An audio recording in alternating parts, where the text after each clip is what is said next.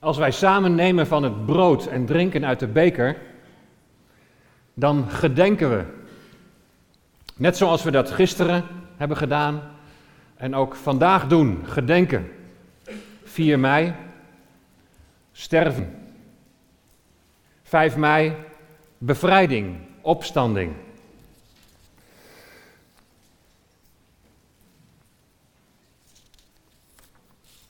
Waar het om gaat is als wij het brood eten en uit de beker drinken, dat wij dat doen tot Jezus gedachtenis. Daarbij is het dan wel de vraag wat die gedachtenis dan is. En wat brood en wijn dan precies uitdrukken. En waar het ook om gaat is in welk besef en in welke houding je met elkaar als gemeente van de Heer Jezus Christus neemt van brood en wijn. Nou, als leidraad gaan we vanmorgen uh, lezen uit 1 Korinthe 10, vers 14 tot 22. 1 Korinthe 10, vers 14 tot 22. En daar lezen we het volgende. Daarom, mijn geliefden, vlucht weg van de afgodendienst. Ik spreek tot u als tot verstandige mensen. Beoordeelt u dan zelf wat ik zeg. De drinkbeker der dankzegging, die wij met dankzegging zegenen, is die niet de gemeenschap met het bloed van Christus? Het brood dat wij breken, is dat niet de gemeenschap met het lichaam van Christus? Omdat het brood één is, zijn wij, die velen zijn, één lichaam. Want wij allen hebben deel aan het ene brood. Let op Israël naar het vlees. Hebben niet zij die de offers eten gemeenschap met het altaar? Wat zeg ik hiermee dan? Dat een afgod iets is of dat een afgodenoffer iets is? Nee, ik zeg dit omdat wat de heidenen offeren, zij dat aan demonen offeren en niet aan God. En ik wil niet dat u met de demonen gemeenschap hebt. U kunt niet de drinkbeker van de Here drinken en de drinkbeker van de demonen. U kunt niet deel hebben aan de tafel van de Here en aan de tafel van de demonen. Of willen wij de Here tot jaloersheid verwekken? Wij zijn toch niet sterker dan Hij?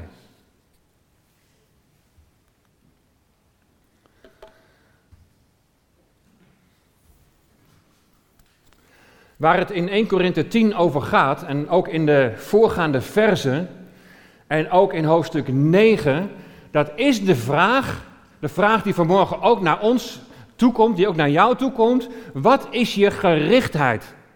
En wat is je focus? Waar ben je op gericht? Nou, de apostel Paulus die krijgt in uh, hoofdstuk 9 krijgt hij twee verwijten. Er zijn mensen die anderen willen laten twijfelen over Paulus' apostelschap. Door aan de orde te stellen dat het wel heel erg vreemd is dat hij zich in Korinthe niet financieel door de gemeente laat onderhouden. Deze keuze van Paulus heeft met focus te maken. Hij legt uit dat de arbeider wel zijn loon waard is. En in andere situaties heeft hij zich wel laten onderhouden. Maar hij is ervan overtuigd dat het in Korinthe beter is, omdat het zal meewerken op dat velen worden gewonnen voor de Heer Jezus Christus. Paulus wil optimaal bruikbaar zijn voor de Heer, opdat velen worden gewonnen voor Jezus Christus. Dat is zijn focus.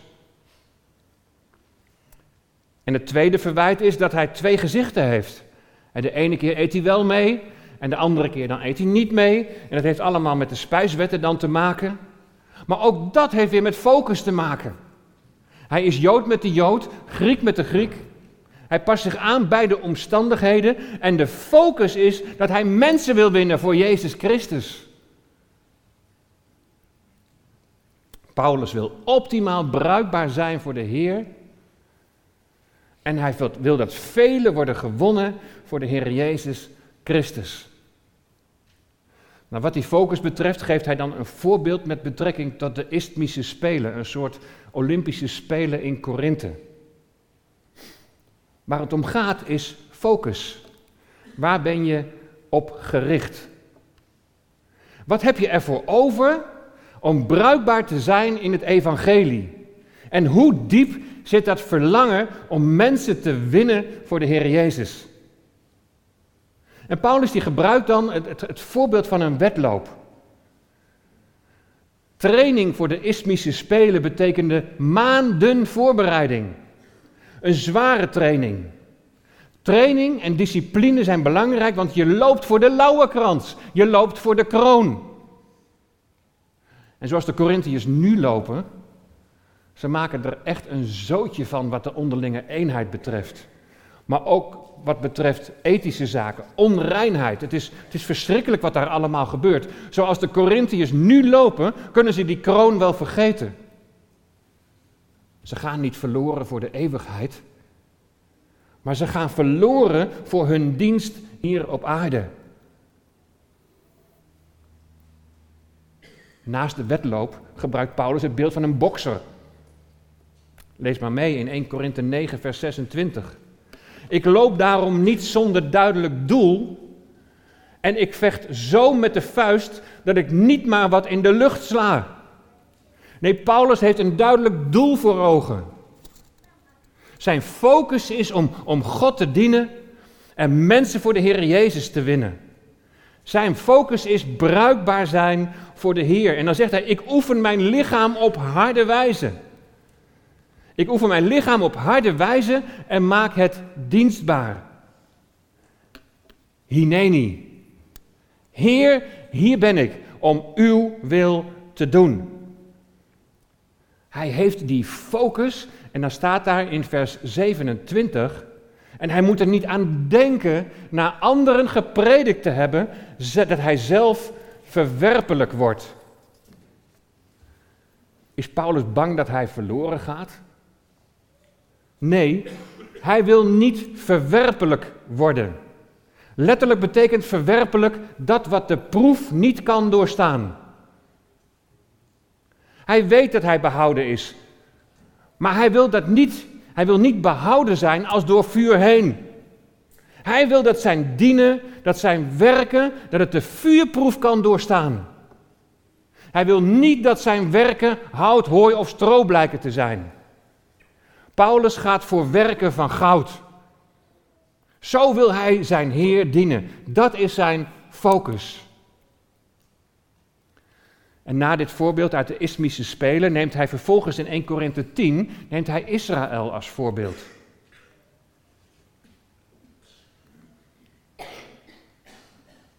Na de uittocht, de verlossing uit Egypte, waren ze allemaal onder de wol, kun je hier lezen, en gingen ze allemaal door de zee. De wolkolom die het volk leidt, het volk beschermt in de woestijn, is al een beeld van de Heilige Geest. Met andere woorden, je kunt gedoopt zijn in de wolk. En je kunt gedoopt zijn in de geest. Wat betekent dat je gevoegd bent in het lichaam van Christus. Je kunt door de zee zijn gegaan. Je kunt door het water zijn gegaan. Gedoopt door onderdompeling en daarmee hebben getuigd: het oude is voorbij en het nieuwe is gekomen. Je kunt hetzelfde geestelijke voedsel hebben gegeten, lees je dan verder in 1 Korinthe 10. Het manna dat verwijst naar de Heer Jezus, het levende brood. Je kunt dezelfde geestelijke drank hebben gedronken. Jezus de rots, Jezus het levende water. Maar kijk nu eens Corinthiërs, of laten we het dicht bij onszelf houden. Kijk eens wat er met de Israëlieten is gebeurd, want dit is ons ten voorbeeld geschreven. En dan lezen we in 1 Korinthe 10, vers 5, in de meeste van hen heeft God geen welgevallen gehad, want ze zijn neergeveld in de woestijn. Deze vergelijking met Israël is een waarschuwing voor de Corinthiërs. Ook hier gaat het niet om behouden worden of verloren gaan voor de eeuwigheid. Maar het gaat om de vraag: in hoeverre ben jij bruikbaar voor de Heer? In hoeverre je verloren gaat of behouden wordt voor het werk hier op aarde. Daar gaat het om. Dat is de vraag. En dan volgen er voorbeelden dat sommigen van het volk Israël de afgoden dienden. Verkeerde focus. Het kenmerk van afgoderij, denk maar aan het gouden kalf, is dat je jezelf iets gaat maken, dat je zelf iets gaat creëren. Je vertrouwt niet meer op God. En je stelt je niet meer langer afhankelijk van Hem op. En daar heeft Hij geen welgevallen in.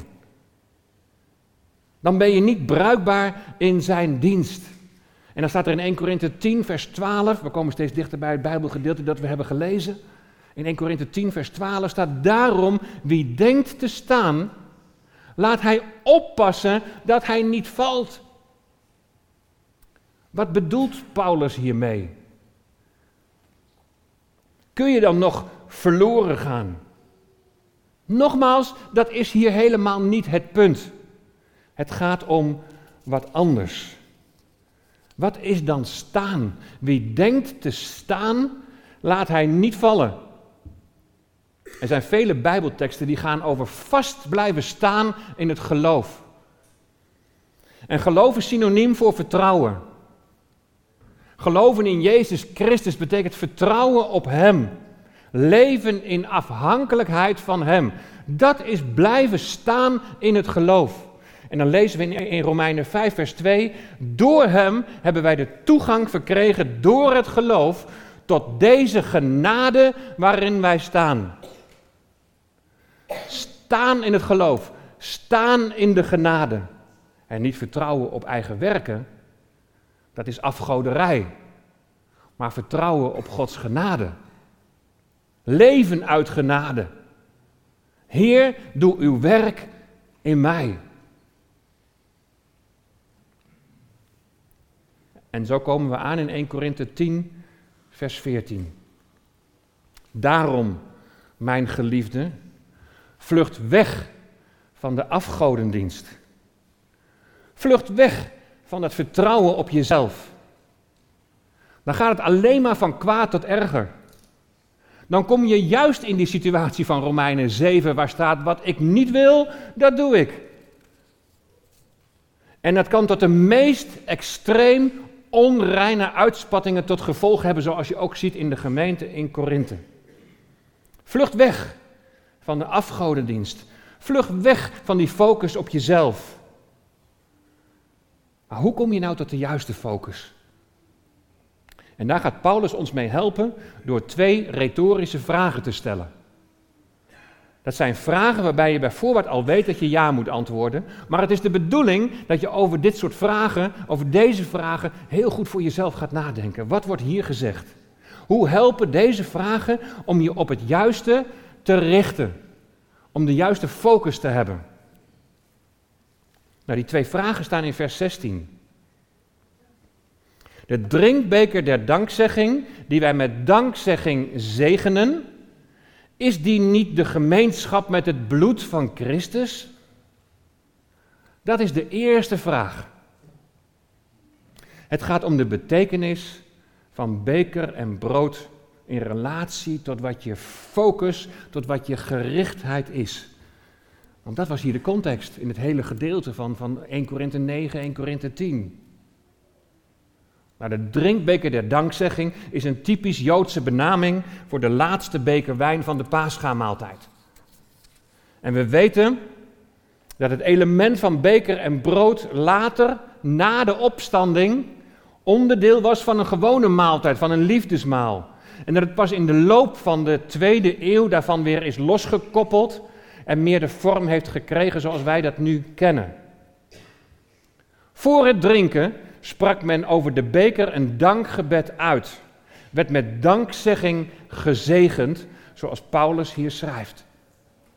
En tijdens die paascha-maaltijd, waarbij we al eerder in Matthäus 26 een keer hebben stilgestaan, neemt Jezus deze drinkbeker van de zegening, spreekt het dankgebed uit en hij vervolgt dan met de woorden die je daaronder kunt lezen. Dit is mijn bloed, het bloed van het nieuwe verbond, dat voor velen vergoten wordt tot vergeving van zonde. Paulus die zegt dan, deze beker der dankzegging, is die niet de gemeenschap met het bloed van Christus? Gemeenschap met het bloed van Christus houdt dus in dat je deel hebt aan de zegeningen van het nieuwe verbond. Wat betekent dat nou? Wat is nou de betekenis van het bloed van Christus? Ik heb nog wel eens de indruk dat we het avondmaal vieren in de geest van 4 mei. het gedenken van Jezus sterven. En dat is terecht. Maar mijn indruk is dat het daarbij blijft soms. Uiteraard moet het ons met dankbaarheid vervullen dat de Heer Jezus in gehoorzaamheid aan zijn Vader in onze plaats de weg naar het kruis wilde gaan. De maaltijd als een soort 4 mei herdenking is, is de pijn voelen dat het zo ver heeft moeten komen. Maar het is ook een gedenken dat Jezus zijn leven heeft gegeven voor onze vrijheid. Van hoeveel van jullie heb ik al niet moeten horen dat je in het verleden niet verder kwam dan het kruis? Er is meer. Wat betekent gemeenschap met het bloed van Christus? Nou, om te begrijpen wat hier in 1 Korinthe 10 staat, moet je eigenlijk Leviticus 17 erbij lezen. Nou, dat gaan we niet helemaal doen. Dan moet je zelf thuis nog maar eens nalezen, Leviticus 17. En daar gaat het over de offerplaats en het eten van het bloed. Dat eten van het bloed van de afgodenoffers, daar zie je al de overeenkomst met 1 Korinthe 10. Dat eten van het bloed van de afgodenoffers, dat was voor omringende volken was dat de normaalste zaak van de wereld. Zij dienden de afgoden. Het volk Israël mag echter niet met deze godendienst, met deze offerdienst meedoen. Als zij het bloed van een offerdier zullen nemen, dan zullen ze zwaar worden gestraft. De reden is dat het leven van het lichaam in het bloed is. De mens mag geen gemeenschap hebben met het bloed van een offerdier, maar wel gemeenschap met het bloed van Jezus. Zijn bloed vergoten. Het leven is uit hem gegaan. Hij heeft zijn leven afgelegd. Met Christus zijn wij gestorven. Maar daar blijft het niet bij. Het bloed spreekt van leven. Christus is weer tot leven gewekt. En zo zijn wij in Christus opgestaan. De beker der dankzegging, die spreekt van gemeenschap met het bloed van Jezus. En is niet alleen maar een 4 mei herdenking, maar ook een 5 mei bevrijding. Gemeenschap aan het bloed van Jezus betekent deel hebben aan de zegeningen van het nieuwe verbond. En die zijn veelvuldig en die zijn veelkleurig. Kijk maar mee. Het bloed is het middel tot verzoening. Het bloed betekent vergeving van zonde. Maar het bloed bevrijdt ons ook. Denk maar aan het bloed aan de deurposten in Egypte. Wij zijn vrijgekocht door het kostbaar bloed van Christus als van een smetteloos en een onbevlekt lam. Door het bloed van het lam worden we verzoend met God.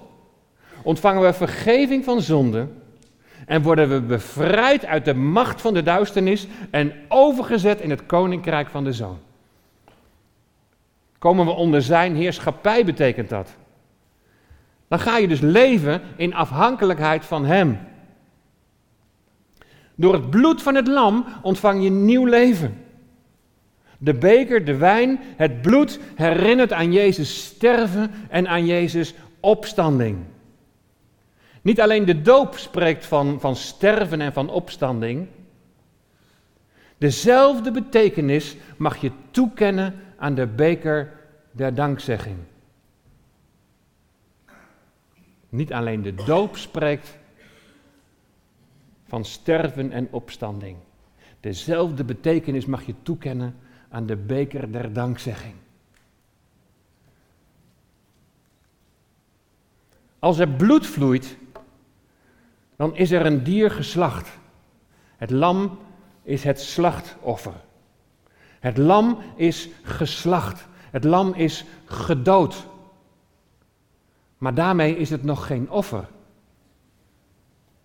Het is pas een offer als het op het altaar wordt gelegd en het wordt verbrand en de rook opstijgt. Ik zal jullie dat laten zien aan de hand van Jesaja 53. Daar staat in vers 5 dat de knecht, en dat is de Messias, dat die verwond en verbrijzeld zal worden. Hij zal als een lam ter slachting worden geleid, staat er in vers 7. Afgesneden uit het land van de levenden, vers 8. En hij zou in een graf worden gelegd, gestorven, vers 9. Ja, zijn ziel zou uitgestort worden in de dood. Vers 12. Maar wat zegt vers 10 in Jesaja 53?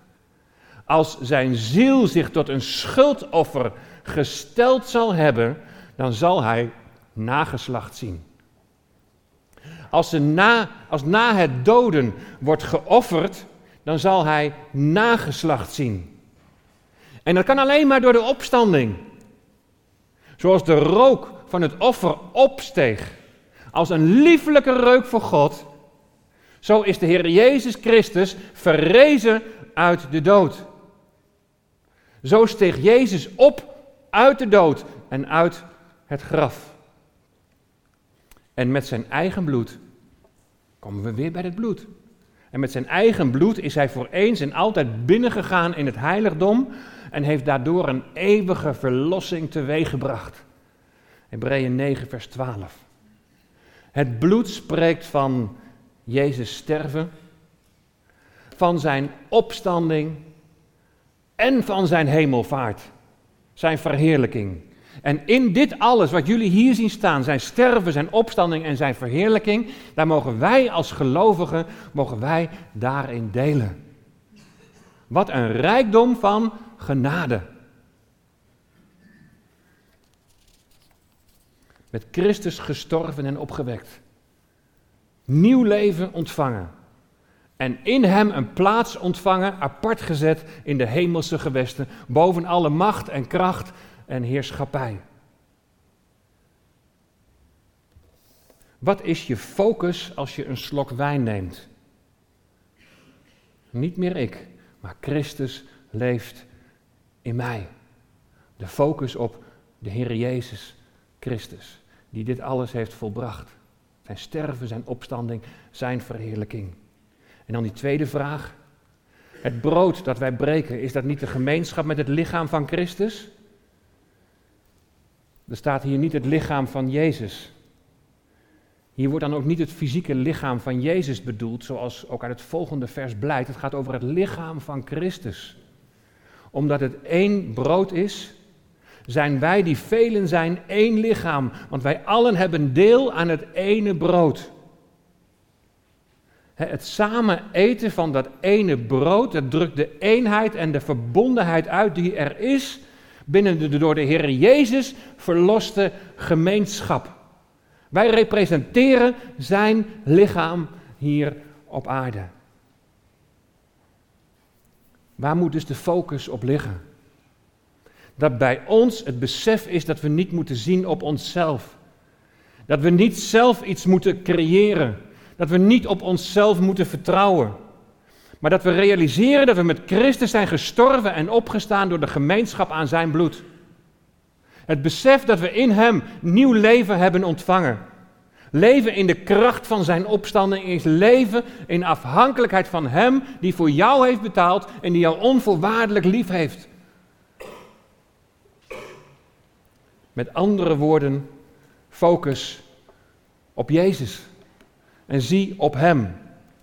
En besef als gemeente dat je, dat je samen als zijn lichaam, dat we samen nieuw leven hebben ontvangen.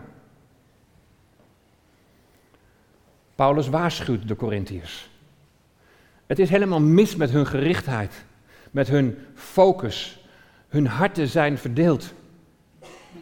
U kunt niet de drinkbeker van de Here drinken en het drinkbeker van de demonen. U kunt niet deel hebben aan de tafel van de Here en aan de tafel van de demonen. Je kunt niet een, drinkbeker drinken die, die, die verwijst naar de Here. De, de beker waarmee je kenbaar maakt, het oude is voorbij en het nieuwe is gekomen. De beker waarmee je kenbaar maakt dat je nieuw leven hebt ontvangen, deel hebt aan de zegeningen van het nieuwe verbond, de gemeenschap met zijn bloed. De beker waarmee jij je afhankelijkheid van Hem kenbaar maakt. Je kunt niet een beker drinken die verwijst naar de Heer en tegelijkertijd een beker drinken die verwijst naar vreemde goden. Waarbij je weer op jezelf gericht bent. Waarbij je zelf weer iets gaat creëren. Waarbij je je afhankelijkheid van God opgeeft. Een verkeerde focus met alle gevolgen van dien. Wat je niet wilt, dat doe je.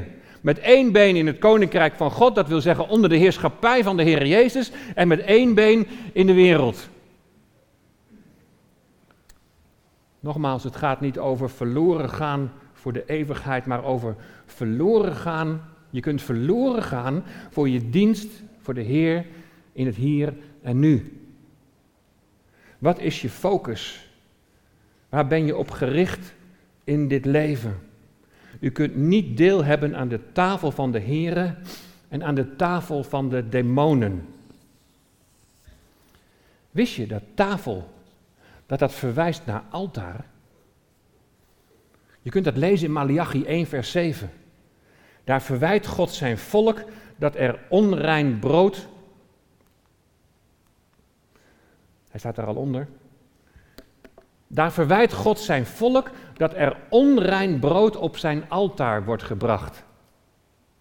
En wat ze daarmee volgens de Heere God zeggen is dat de tafel van de Heere verachtelijk is. Altaar is synoniem voor tafel van de Heere. Je kunt niet langer deel hebben aan de tafel, aan het offeren aan vreemde goden. Zelf iets creëren is het tegenovergestelde van afhankelijk zijn van God. Wat je moet doen volgens Romeinen 12 is dat je je lichaam moet stellen tot een levend, heilig en gode welgevallig offer. En dat betekent hineni. Heer, hier ben ik om uw wil te doen. Brood en wijn laten ons zien dat Christus is gestorven, begraven en opgestaan. Dat hij is opgevaren naar de hemel, verheerlijkt. Brood en wijn laten ons net als de doop zien dat wij met Christus zijn gestorven, begraven en weer opgestaan. Het laat zien dat wij leven uit Hem hebben ontvangen. Komt het zo niet heel dichtbij? Alsof je bij het kruis staat. Alsof je staat bij het geopende graf. En dat je je realiseert en beseft de weg die Hij gegaan is. En de weg die Hij daarmee voor ons heeft bereid. Dat nieuwe leven gelooft niet meer in eigen kracht. Gelooft niet meer in maakbaarheid. Ziet niet langer op zichzelf. Focus op Jezus. De leidsman en de voleinder van ons geloof. Vertrouw op Hem. En leef in afhankelijkheid van Hem. Je wilt toch ook bruikbaar zijn voor Hem? Je wilt toch ook dat er zoveel mogelijk mensen worden gewonnen voor de Heer Jezus? Wat is je focus? Focus als straks brood en beker voorbij komen. Niet meer ik, maar Christus leeft in mij. Hier, hier ben ik. Dat we onze lichamen zullen stellen tot een levend, heilig en gode welgevallig offer. Niet in de zin dat wij het offer van de Heer Jezus nog een keer opnieuw moeten doen, helemaal niet. Maar dat betekent heel eenvoudig, Heer, hier ben ik. Kom tot uw doel in mijn leven. Gebruik mijn leven tot uw eer. Vlucht van de afgodendienst. Wat het ook in je leven is. Er kan zoveel tussen jou en God instaan. Waarvan je zegt, dit is niet van Hem. En dit houdt mij bij Hem vandaan. Beleid het voor Hem. En dan mogen we weten als we onze zonden beleiden, dat Hij getrouw en rechtvaardig is om al onze zonden te vergeven. Maar spreek daarbij ook je verlangen uit. Heren, ik wil U dienen. Ik wil U volgen. En Heer, het is zo van binnen mijn diepste verlangen dat zoveel mogelijk mensen Jezus mogen leren kennen. Opdat zij ook dat leven wat wij hebben ontvangen, mogen ontvangen. En zullen gaan leven tot eer van U. Focus. Denk er voor jezelf nog eens, nog eens goed over na. Wat is je gerichtheid in je leven? Waar geef je je tijd en je geld en je energie en, waar, waar, waar geef je het aan? Ja, tuurlijk, aan je studie of aan je werk, maar ook daarin kun jij bruikbaar zijn voor Hem. Als je focus maar op Hem is gericht. Amen. We gaan een prachtig lied met elkaar zingen, dat sluit hier helemaal bij aan. En er staat: Geen enkel mens zou durven naderen voor uw troon, kunnen bestaan in uw nabijheid. Alleen maar door uw bloed en alleen door uw genade De genade waarin we moeten staan. Heer, ik kom. Ik breng een offer van aanbidding aan mijn Heer. Aan u alleen geef ik de Allerhoogste Heer. U wil ik prijzen, want mijn loflied komt u toe. Heer Jezus, mijn aanbidding is voor u. En zullen we zo ook in de voorbereiding op het moment dat we het brood breken en, en de beker vullen met de wijn, zullen we dat staan en met elkaar gaan zingen als echt een verlangen, een diep verlangen in ons hart. Heer, we willen u dienen, we willen bruikbaar zijn voor u. U komt onze aanbidding toe.